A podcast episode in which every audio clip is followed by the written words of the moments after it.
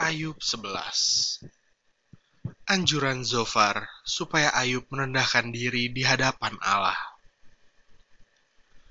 Maka berbicaralah Zofar, orang Naama. Apakah orang yang banyak bicara tidak harus dijawab?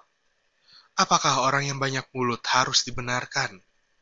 Apakah orang harus diam terhadap bualmu? Dan kalau engkau mengolok-ngolok, apakah tidak ada yang mempermalukan engkau? Katamu, pengajaranku murni, dan aku bersih di matamu. Tetapi, mudah-mudahan Allah sendiri berfirman dan membuka mulutnya terhadap engkau, dan memberitakan kepadamu rahasia hikmat, karena itu ajaib bagi pengertian. Maka engkau akan mengetahui bahwa Allah tidak memperhitungkan bagimu sebagian daripada kesalahanmu. Dapatkah engkau memahami hakikat Allah? Menyelami batas-batas kekuasaan yang maha kuasa. Tingginya seperti langit.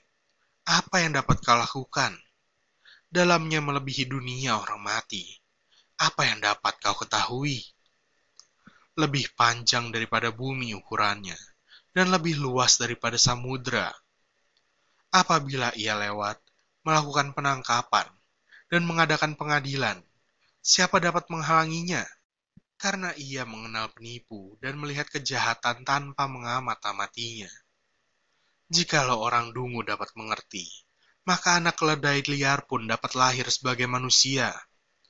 Jikalau engkau ini menyediakan hatimu dan menadahkan tanganmu kepadanya, jikalau engkau menjauhkan kejahatan dalam tanganmu dan tidak membiarkan kecurangan ada dalam kemahmu, maka sesungguhnya engkau dapat mengangkat mukamu tanpa celah, dan engkau akan berdiri teguh dan tidak akan takut.